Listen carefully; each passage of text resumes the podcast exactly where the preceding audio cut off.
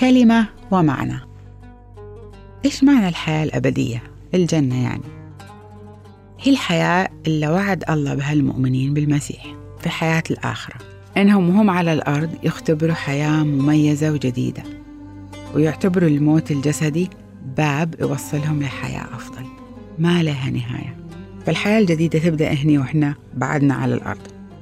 لما نعرف الرب يسوع ونكون مولودين بالروح القدس وإحنا على الأرض تكون لنا حياة جديدة مميزة.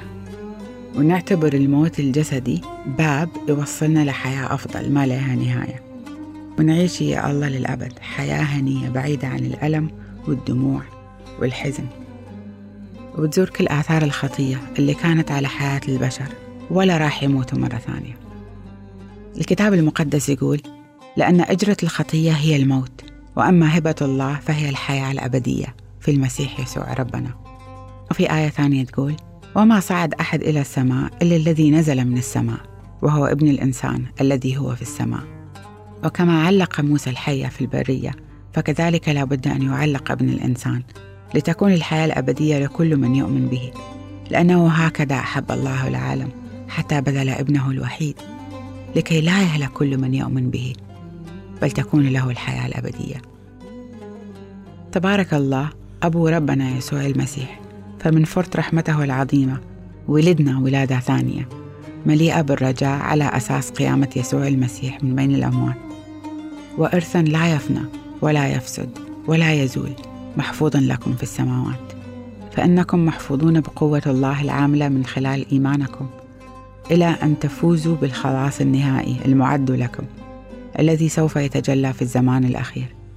وهذه الشهادة هي أن الله أعطانا حياة أبدية وأن هذه الحياة هي في ابنه. فمن كان له ابن الله كانت له الحياة. ومن لم يكن له ابن الله لم تكن له الحياة. يا من آمنت باسم ابن الله إني كتبت هذا إليكم لكي تعرفوا أن الحياة الأبدية ملكا لكم منذ الآن. هذه الآية الأخيرة عبارة عن رؤية شافها يوحنا واحد من أتباع المسيح. هذه الكلمات اللي سجلها لما شاف الرؤية.